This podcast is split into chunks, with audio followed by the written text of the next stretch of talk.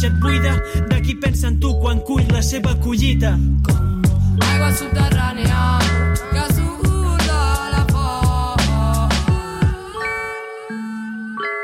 Assistim aquests dies a tot un volum de mobilitzacions de la pagesia i la ramaderia al nostre país. Segueixen o no la situació que s'està visquent a altres punts d'Europa, també a la península? La veritat és que hem viscut en els darrers temps una pagesia oblidada per les administracions, oblidada també per la nostra societat, la societat que viu a ciutats, a zona urbana i que ens sentim molt lluny de la seva feina. L'eslògan que han escollit, la nostra fi, la vostra fam, ho diu tot, perquè si no hi ha pagesia, si no hi ha ramaderia, no hi ha vida, no hi ha com alimentar-nos. Una de les persones que més ens ha parlat i explicat la situació real dins del concepte de sobirania alimentària és Gustavo Duc, el nostre col·laborador que avui el tenim a l'altra banda del telèfon. Hola, Gustavo. Hola, Pilar. Com podem explicar la situació que ha mogut a la pagesia i a la ramaderia a mobilitzar-se de la manera que ho han fet en aquestes darreres hores?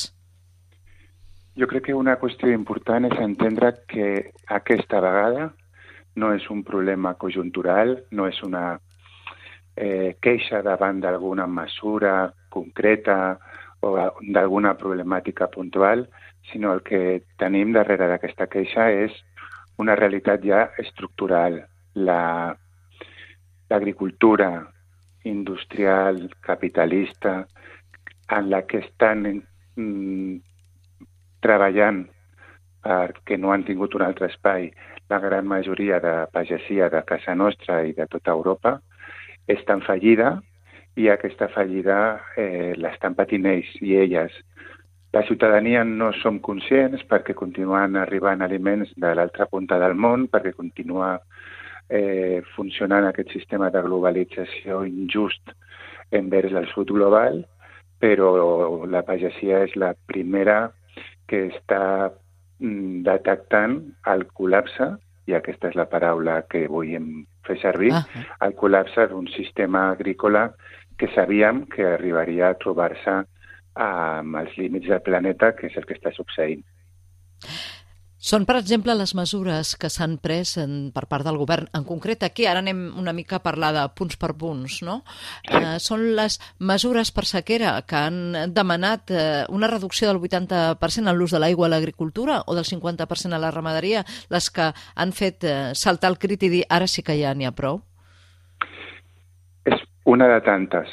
Eh, estan patint la situació de la sequera amb un tractament amb aquestes mesures injust, però alhora eh, són conscients de que amb ells se'ls tallen a l'aigua però no se'ls talla al turisme, són conscients de que s'estan eh, incrementant els preus dels costos que ells tenen que gestionar, però en canvi finalment acaben cobrant el de sempre o encara menys, perquè hi ha un poder molt important de les multinacionals, tant de, de per exemple, les grans empreses que compren la llet, que és un, és un, un acaparament, és, és una concentració en molt poques empreses que paguen per sota fins i tot del preu de cost, o el que acaba passant en les grans superfícies, que sabem que controlen tot el consum alimentari, que poden arribar a incrementar el preu entre origen i destí un 800 o un 1.000%, però elles i ells, la pagesia, d'això només rep, diguéssim, que, que les injustícies. Mm -hmm. Estem davant, doncs, de dos models, Gustavo. Eh? Per tant, els pagesos i pageses, ramaders i ramaderes que ara estem veient tallant carreteres, reclamant els seus drets davant de les administracions, de les portes de les administracions, no són pas aquests grans supermercats, aquests gestors de macrogranges, aquesta macroindústria a la que feia referència del camp. Mm. Aquí, aquí sí que hem de hem de posar molta atenció perquè aquestes mobilitzacions, el que és cert és que és un clam genèric de tota la pagesia i aquí podem trobar, qüestió molt important, eh, dos realitats. Podem trobar la petita pagesia que està fent les coses eh, lligades en l'entorn, cuidant del territori, però mm. també podem trobar eh, en l'altre extrem eh, precisament pues, això, no? gestors de grans macrogranges que estan que han apostat o els han obligat a apostar per aquests models industrials intensius que estan al final funcionant amb una cadena d'alimentació global important. Sabem, ho hem parlat moltes vegades, soja de, de Brasil i d'Argentina per exportar carn de porc a la Xina. En aquestes mobilitzacions mm, no hi ha eh, no hi ha claretat de quin de qui podem estar escoltant quan escoltem les seves reivindicacions perquè ens podem trobar de, de les dues maneres d'entendre de, l'agricultura la, i l'alimentació. De fet, el que crida l'atenció d'aquestes mobilitzacions és que molta pagesia està sortint a títol individual o agrupats amb la gent més propera de les seves comarques i deixant de banda el, la, el, els aparells més institucionals, que en el seu cas serien els sindicats, perquè precisament els sindicats són en gran mesura els que els han portat també cap a aquest model agrícola. Cal fer aquí una, una autoreflexió, una reflexió interna de quin paper estan jugant els sindicats agraris o quin paper han jugat els grans sindicats agraris durant les últimes dècades de, de, en defensa d'una política o una altra de, de la seva membresia. Uh -huh. És per això que organitzacions com Assemblea Pagesa eh, emeten comunicats en els que eh, fan propostes per canviar-ho tot en aquesta pagesia en lluita. Ho diuen perquè mm, potser asseguren que més enllà de la fressa del moment necessiten mm. un gran debat nacional de la pagesia per valorar aquests diferents models i sentir cap a on ha d'anar la pagesia i la ramaderia ara en situació d'emergència climàtica.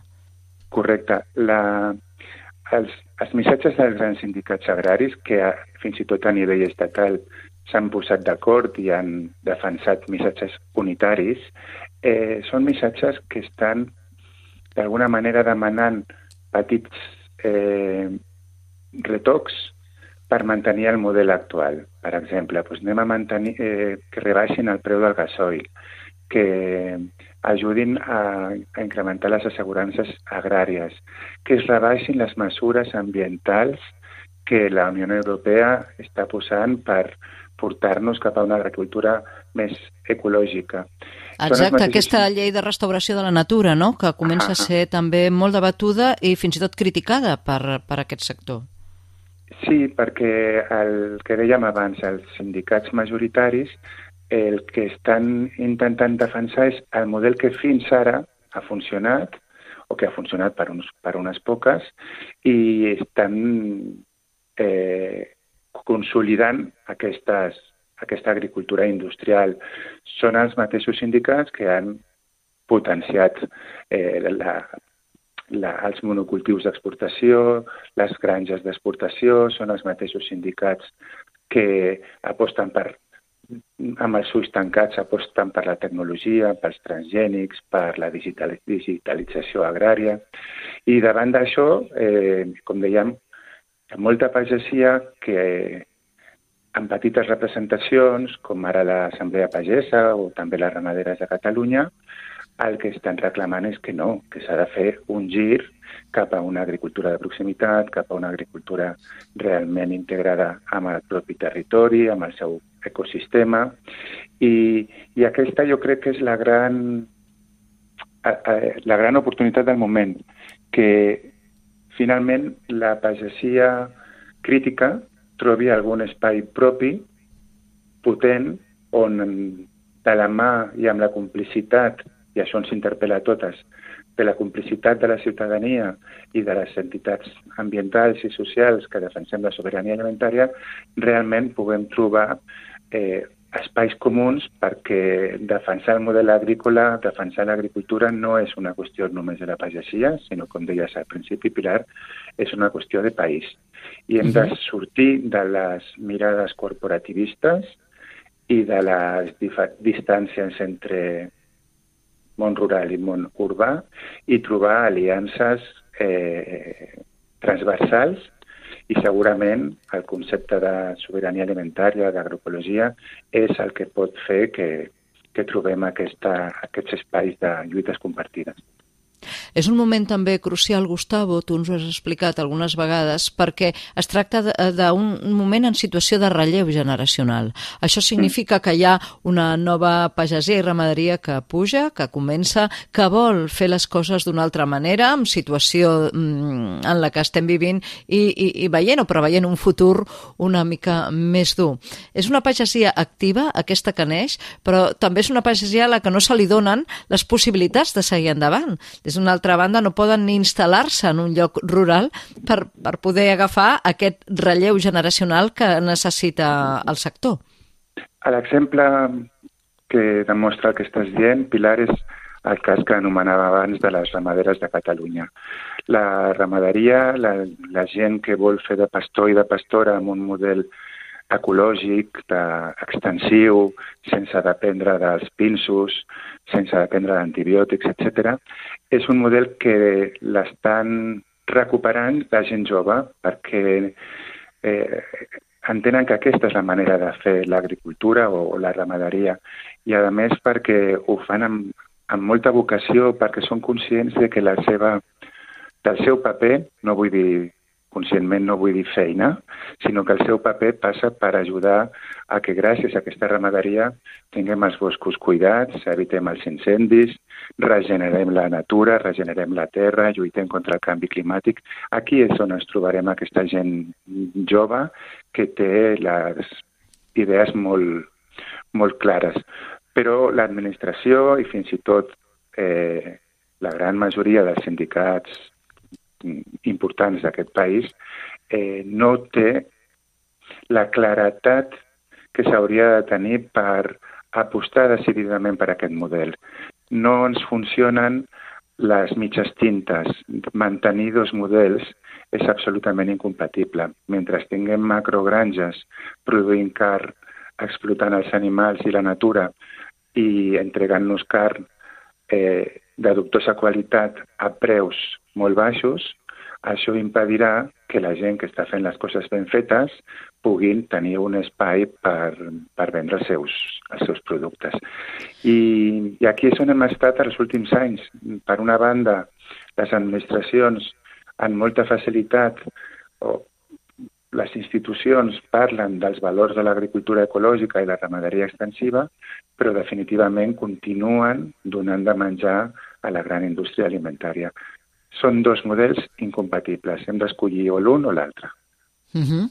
Dins de les protestes generals, traient aquestes modificacions i aquests matisos que nosaltres estem fent avui aquí amb tu, Gustavo, hi ha un clam molt general per l'augment burocràtic de burocràcia que s'està donant al món de la pagesia i al sector primari i que, clar, els petits pagesos i les petites pageses i també ramaderes no poden assumir amb un dia que, de feina que té gairebé com 24 hores amb poques hores de dormir. Sí, de fet, aquestes reclamacions que han tingut la capacitat de treure de treure-les, de fer-les visibles i de que ara s'estigui parlant, justament va ser el col·lectiu de les ramaderes de Catalunya farà un parell de mesos amb una campanya que es deia Foc als papers, on precisament parlaven d'això, com una petita pastora, un petit, un, una petita ramaderia tenia que estar fent innumerables tràmits per absolutament qualsevol cosa, des de la, la terra que es gestionen fins als animals quan van a l'escorxador, eh, tot això ten, està absolutament mm, controlat eh, en accés amb una mena de burocràcia complicadíssima. Ja sabem qualsevol de nosaltres el, el difícil que és entrar a fer una gestió per internet eh, per fins i tot pagar uns impostos, imaginem-nos d'això fer-lo tres, quatre vegades al dia per innumerables gestions. I elles, amb molt bon criteri, eh, donaven a entendre que aquesta excessiva burocràcia pot ser que tingui sentit per les grans indústries alimentàries, si volem que no... Que tenen no la seva infraestructura secretarial, no?, burocràtica. Exacte, que tenen molt de personal contractat, però no una pastora que el, el, que, està, el que ha de fer és estar amb el ramat eh, pasturant i, i vigilant d'aquesta cura que tenen per la natura. Finalment, doncs, Gustavo, amb la situació en la que ens trobem ara, amb els tractors tallant les carreteres, suposem que l'administració haurà d'obrir portes i començar una negociació. Gustavo, qui ha de seure concretament en aquesta taula de negociacions? Mireu, l'exemple el tenim a França. Sabeu que eh, aquestes mobilitzacions d'alguna manera prenen el fil del que va començar a França. A França, a l'Estat, s'ha assegut amb les, els dos grans sindicats agraris francesos, és a dir, els sindicats de l'agroindústria. I, hem, I han acordat mantenir aquest model eh, posant, com dèiem, algunes tirites. Eh, esperem que això no passi a casa nostra i que entenguin que a la taula s'ha de seure també els, les agrupacions eh, que estan defensant una altra manera d'entendre l'agricultura. Potser no tenen la fórmula jurídica de sindicat, però sí que sabem on trobar-les. Hem parlat d'Assemblea Pagesa, hem parlat de les ramaderes de Catalunya, podem parlar d'altres xarxes que hi ha per la Catalunya central. Existeix un col·lectiu que durant molts anys, eh, sota el paraigües de la sobirania alimentària, ha, ha sapigut treballar i seria fonamental que aquestes veus representant a la pagesia estiguessin mm, demostrant que hi ha un model que és el que necessita el país més enllà d'altres qüestions eh, centrades en pura economia. Ara és, doncs, el moment. Esperem que més enllà de la fressa es faci un debat nacional, un gran debat nacional sobre aquest model de pagesia i ramaderia i nosaltres ho seguirem aquí amb Gustavo Duc. Gràcies, Gustavo, per les teves aportacions. A vosaltres, que vagi.